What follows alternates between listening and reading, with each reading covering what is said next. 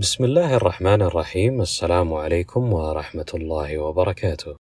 أنا ماجد السفياني مقدم بودكاست جرعة تفاؤل.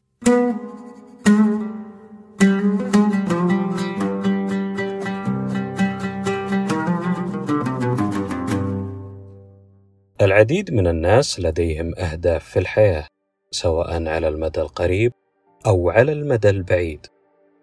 وقد يستغرق تحقيق هذه الأهداف مددا متفاوتة بحسب طبيعة هذا الهدف والإمكانيات المتاحة ومدى قوة الاستعدادات المتوفرة لدى هذا الإنسان.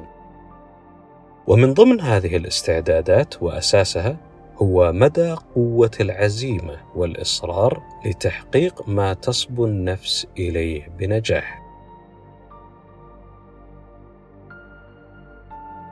طبعا هو أمر جميل ورائع أن يسعى الإنسان إلى تحقيق إنجازات. ليست بالضرورة أن تكون ضخمة بالصورة العامة ولكن تكون ضخمة وهامة بالنسبة له شخصيا. ولكن الأمر الغير جميل هو عندما يتسلل الإحباط إلى النفس أثناء رحلة تحقيق هذه الغاية.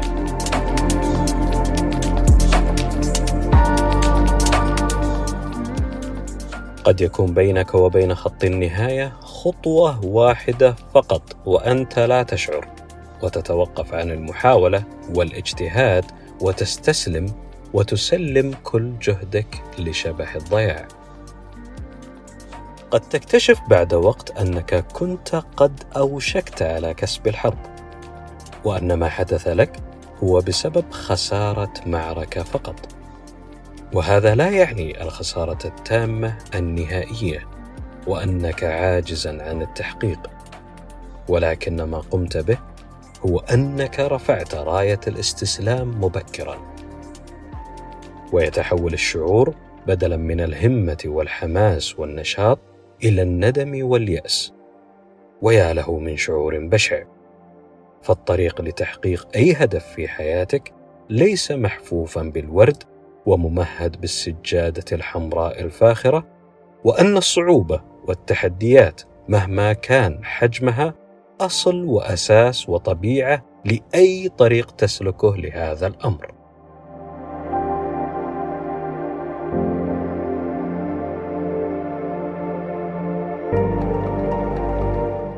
الصعوبات والتحديات قد تتمثل في ظروف اجتماعية أو صحية أو مالية أو حتى أشخاص حولنا نقابلهم يوميا.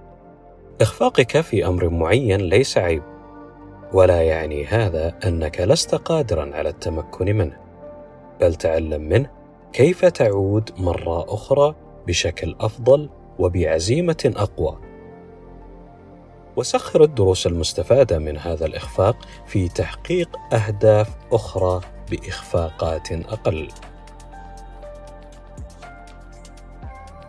هذا طبعا لا يعني أنه عندما نتعب لا نستريح لفترة قصيرة ولا يعني الا نروح عن القلوب بين فترة وأخرى لإعادة ترتيب الأمور والأوراق وتصفية الذهن كي نرى الأمور بشكل أنقى وأوضح. ونعود من استراحة المحارب إلى الميدان ونكمل ما كنا نكافح لأجله.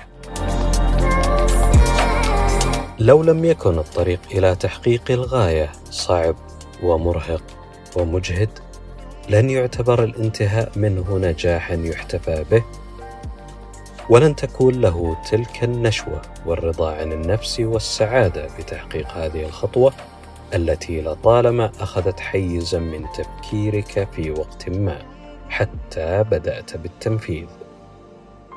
لذلك أعد الكرة مرة بعد مرة. ولا تتخلى عن المحاولة وكن مخلصا لنفسك أولا. ولا تحرمها لذة الإنجاز وستصل إلى مبتغاك بإذن الله تعالى.